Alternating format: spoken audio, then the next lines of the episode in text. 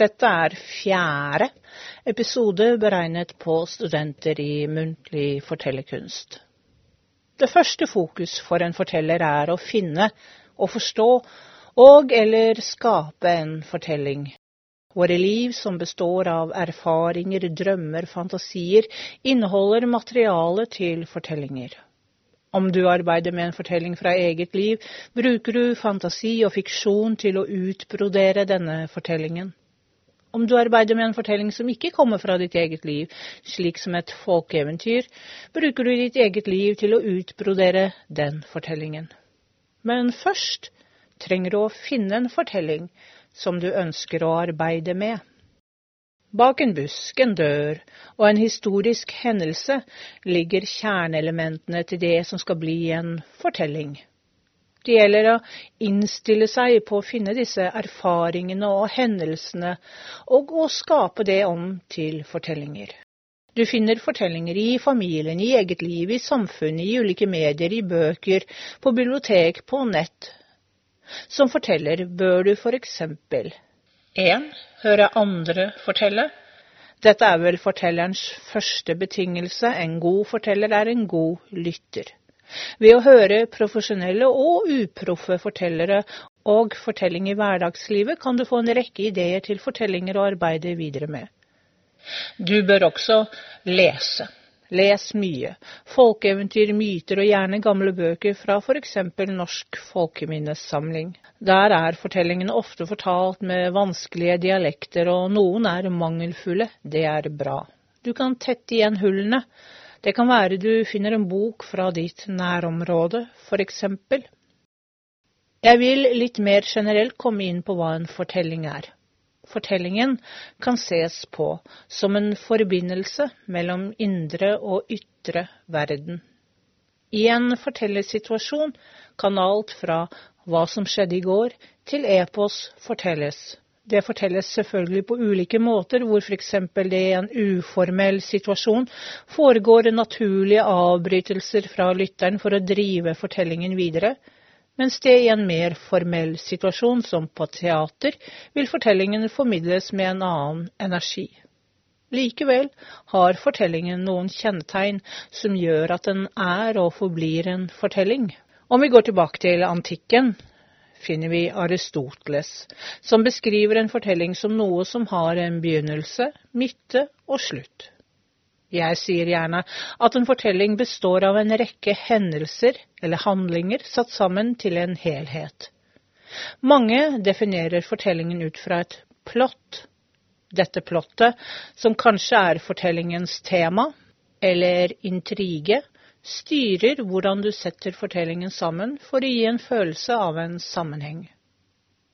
Innenfor den muntlige fortellerkunsten har en fortelling alltid skjedd. Du formidler noe som har skjedd. Dette for å skape en distanse som gir rom for refleksjon. Videre har fortellingen en bestemt struktur som gjør den gjenkjennbar som en fortelling. Fortellingens struktur fødes vi inn i, dette er noe som er arvet gjennom flere generasjoner. Struktur er altså ikke tilfeldig, men bygd opp for å støtte vår hukommelse. Strukturen er rammen til og motoren i fortellingen. Dette er det tilhøreren gjenkjenner som en type kulturell kode. Har ikke fortellingen struktur, eller klarer ikke fortelleren å ivareta fortellingens struktur, så mister tilhøreren tråden, eller det kan bli oppfattet som noe annet, som for eksempel et dikt. Struktur er hendelser som er organisert og satt sammen. Strukturen er kognitiv, altså det er en årsakssammenheng i den. Dette er det vi oppfatter tidlig som barn, som er kulturbetinget. Fortellingen blir satt sammen til et forståelsesfullt hele. Vi begynner å fortelle for å forstå vår virkelighet, for å sette den sammen til noe forståelig. Strukturen gjør også en bestemt fortelling gjenkjennbar som nettopp denne fortellingen. Hendelsene er satt sammen på en måte som gjør denne fortellingen unik. Myte og regleeventyr er forskjellige. Hendelsene er satt sammen ulikt, men begge er fortellinger. Det finnes ikke en ting, følelse eller situasjon det ikke er knyttet en fortelling til. Du kan fortelle alt, så lenge du blir beveget av og kan stå for det. Det heter seg at en forteller velger ikke fortellingene, men fortellingene velger deg. Dette er ikke noe hokus pokus. For noen fortellinger trigger noe i deg og gir deg et inntrykk. Regelen er at du velger noe du ønsker eller må formidle. Når du har lest og lyttet til mange fortellinger, så er det alltid en fortelling som sitter igjen, som taler mer til deg enn noen andre fortellinger. Nå er det for øvrig lettere å arbeide med en fortelling du selv har hørt, enn en du har lest. Dette er fordi du, når du lytter, får et eierforhold til fortellingen. Du skaper indre bilder når du lytter, og du husker via indre bilder. Valg av fortellinger kan etter hvert tilhøre en bestemt kategori eller et tema, og er i mange tilfeller avhengig av ytre omstendigheter som oppdrag eller andre opplegg. Du kan skape din egen fortelling, eller velge en du har hørt, eller som er skrevet eller nedtegnet. Det som er viktig, er at fortellingen oppfyller dine egne og ditt publikums behov. Når du skal begynne å søke etter fortellermateriale, kan du tenke på følgende? Din egen stil, din livsholdning, hva føler du deg komfortabel med, type publikum og publikums alder, Veldig generelt kan du si at yngre barn liker fortellinger med klar intrige eller klart plott og handling. Har du et 40 minutters oppdrag, kan det i mange sammenhenger lønne seg å operere med flere korte fortellinger framfor en lang når du er nybegynner. Det er ikke lett å sette sammen et program, og en grei liten huskeregel er ha-ha, aha, amen. Det vil si at du begynner med det korte morsomme, altså ha-ha, og avslutter med det litt større mytiske innholdet amen. Det som kan være vanskelig for en forteller, er å bli bedt om å fortelle én bestemt fortelling til én bestemt situasjon, da det ikke er sikkert at fortelleren liker fortellingen. Den ideelle fortellersituasjonen er når fortelleren har såpass stort materiale slik at hun kan legge til rette for de som er der. Etter hvert som repertoaret øker, vil det være lettere å velge fortellinger ut fra her og nå-situasjonen.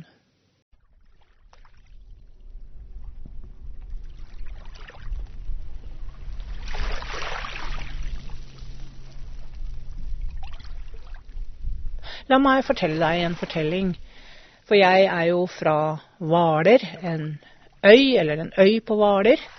En øy som heter Asmaløy. Og det er jo et sommerparadis. Det er ikke mange menneskene som bor der, men om sommeren, da kommer sommergjestene. Og de tok våre strender, og de tok våre svaberg, og de tok våre stier, og vi elsket det. Men sommeren var jo kort, og snart måtte de reise. Da sto vi tilbake og vinket til dem der de dro av gårde, og så snart sommergjesten hadde reist, poff, så var det som om vinteren var der. Og vinteren på Hvaler var ikke en romantisk vinter med snø som lavet ned, nei, vinteren var mørk og dyster og kald, med en vind som hadde bosatt seg der på Hvaler. Og det var da de kom ut. Ja, de som hadde vært innestengt gjennom hele sommeren, bort fra sommerens synder. De kom ut. De som hadde lukket alle dører og vinduer gjennom hele sommeren, de kom ut. De kom ut kledd i sort-hvite ansikter og rødskutte øyne, nemlig Hvalers indre misjon. Hver søndag møttes de framfor kirken og hadde en prat om hva som hadde skjedd på øya den uh, uka bortsett fra onkel Johan. Nå var ikke onkel Johan min onkel, han var onkel til min mor, men vi kalte han alltid for onkel Johan. Onkel Johan han var litt liten. Han hadde ikke noe hår på hodet, han hadde skjeggstubber, han tygget skrå som han stadig spyttet ut.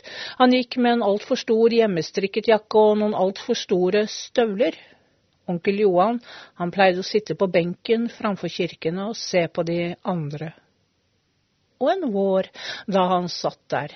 Da ble himmelen brått mørk, og et lyn flerret gjennom himmelen, traff jorda, så det ble en sprekk i jordskorpa, og ut av denne sprekken kom fram selveste djevelen.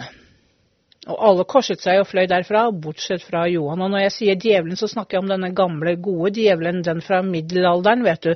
Den som har en hov istedenfor en fot, den som har en hale og horn. Johan ble sittende. Og djevelen, han brukte alle sine djevelske triks fra middelalderen. Han skapte seg om, flammene sto ut av nesa, men Johan var like rolig. Nå er det å si at djevelen var nok ikke i den samme gode formen han en gang hadde vært, for snart var han helt utmatta og satte seg ned på benken ved siden av Johan, omgitt av en sovelukt og med en tung astmalignende pust. Da han fikk pusten tilbake, så han bort på Johan og Men Johan var like rolig, han vek ikke en mine. Da spurte djevelen Johan, hvorfor? Hvorfor frykter du meg ikke som andre, hvorfor flykter du ikke av sted? Johan han spyttet ut skråen sin, så på djevelen og sa, jeg har vært gift med søstera di i 30 år, kan du si? Ja, det er typisk en fortelling jeg vokste opp med, disse litt vitseaktige fortellingene. Hvordan du mottar en fortelling er av betydning for videre arbeid. Av egen erfaring, som nevnt tidligere, vet jeg at det er lettere å arbeide med en fortelling jeg har hørt, framfor å ha lest den. Dette gjelder spesielt den første perioden, da du er ny som forteller. Det å lytte, da får du jo ikke bare fortellinger, men også en form og stil å fortelle i. Jeg mener det er fem måter eller handlinger fortellermaterialet blir gjort tilgjengelig når du skal finne en fortelling. For det første har du den fortalte eller lyttehandlingen. Så har du den litterære handlingen. Så har du erkjennelsen av en erfaring. Du har den spontane handlingen, og du har den fiktive handlingen. Disse ulike handlingene er ikke nødvendigvis isolerte hendelser, svært ofte kombineres de i arbeid med å finne materiale. Fellesnevneren er at materialet er fortellbart, dvs. Si at materialet skaper en unik interesse hos deg som forteller. Denne interessen kan komme av et tema fortellingen tar opp, eller det er et bilde i fortellingen som griper deg. Det kan også være at det er noe i fortellingen som provoserer. Det som er sikkert, er at fortellermaterialet er utømmelig. Det er heller ikke alltid du finner ferdige fortellinger, det er bra. Det gir deg en estetisk mestringsfølelse å skape noe helhetlig ut av fragmenter. Dessuten krever fortellinger du ønsker å fortelle, en bearbeidelse for muntlig framføring. La meg ta for meg de ulike handlingene. Den fortalte eller lytterhandlingen. Her får du en fortelling formidlet muntlig, og du er mottakeren, lytteren av fortellingen. Det kan være i form av en uformell situasjon som rundt et middagsbord, og lignende, eller det kan være innenfor den institusjonelle innrammingen som gjør fortelleren om til en utøvende kunstner. Det kan også mottas gjennom ulike medier, som gjennom radio eller video eller lignende. Tilsvarende er det med det som blir fortalt. Det kan være en fortelling om en dagligdags hendelse eller et epos. I denne kategorien har muntlig fortellerkunst sine tradisjonelle røtter. Det er et forbilledlig stadium. Ikke bare får du en struktur, men også en form som kan være vel så viktig i en videre arbeidsprosess med en fortelling. Den litterære handlingen. Den litterære handlingen. Her opplever du fortellingen som en skriftlig tekst. Fortellingen er nedskrevet ofte i en bok, og det er kanskje den vanligste metoden i en bevisst søken etter fortellinger. Det er også kanskje den som har størst fallgruver. Du opplever ofte det skriftlige som den eneste sannhet, og fordi det skriftlige har en så dominerende faktor, kan metoder lett fokusere på å reprodusere framfor å skape en fortelling. Det vil si at du føler en sterkere trang til å lære deg fortellingen utenat enn å bearbeide den for en muntlig framføring. Samtidig er det en fordel at den litterære handlingen i seg selv lett kan reproduseres for å finne fram til nye lag i fortellingen. Du kan enkelt finne tilbake til fortellingen om du skulle ha glemt elementer. Erkjennelsen av en erfaring Om du har overlevd barndommen, hvilket du har siden du sitter her og hører på meg nå, eller om du har hørt kjøkkendøra smelle, har du nok fortellinger å fortelle for resten av livet. Her tar fortellingen utgangspunkt i en hendelse du selv har opplevd. Hendelsen må erkjennes for at den skal bli fortellbar. Med det mener jeg at hendelsen har blitt reflektert over. Det paradoksale er at denne refleksjonen ofte skjer i det du forteller om hendelsen til noen. Et moment her er spenningen mellom fakta og fiksjon. Generelt, så lenge forteller og hovedperson i fortelling er den samme, vil fortellingen oppleves som sann. Sannhet er relativt. Noen vil ha en streng kodeks på sannhetsgraden av en fortelling, mens andre vil oppleve en faktabasert sannhet som ubetydelig i meningsproduksjon. For meg personlig er en fortelling med sterke fiksjonselementer ikke mindre autentisk eller mindre meningsproduserende. Jeg mener at sannheten til en fortelling ligger ikke i fakta, men i tolkningen eller refleksjonen du knytter til fortellingen. Den spontane handlingen. Her improviseres fortellingene fram i møte med lytterne. Innholdet kan være vanskelig å reprodusere, men handlingen kan gjentas den spontane handlingen, som også kan kalles spontane fortellinger, fantasifortellinger og improviserte fortellinger, fungerer godt ved å være fornyende.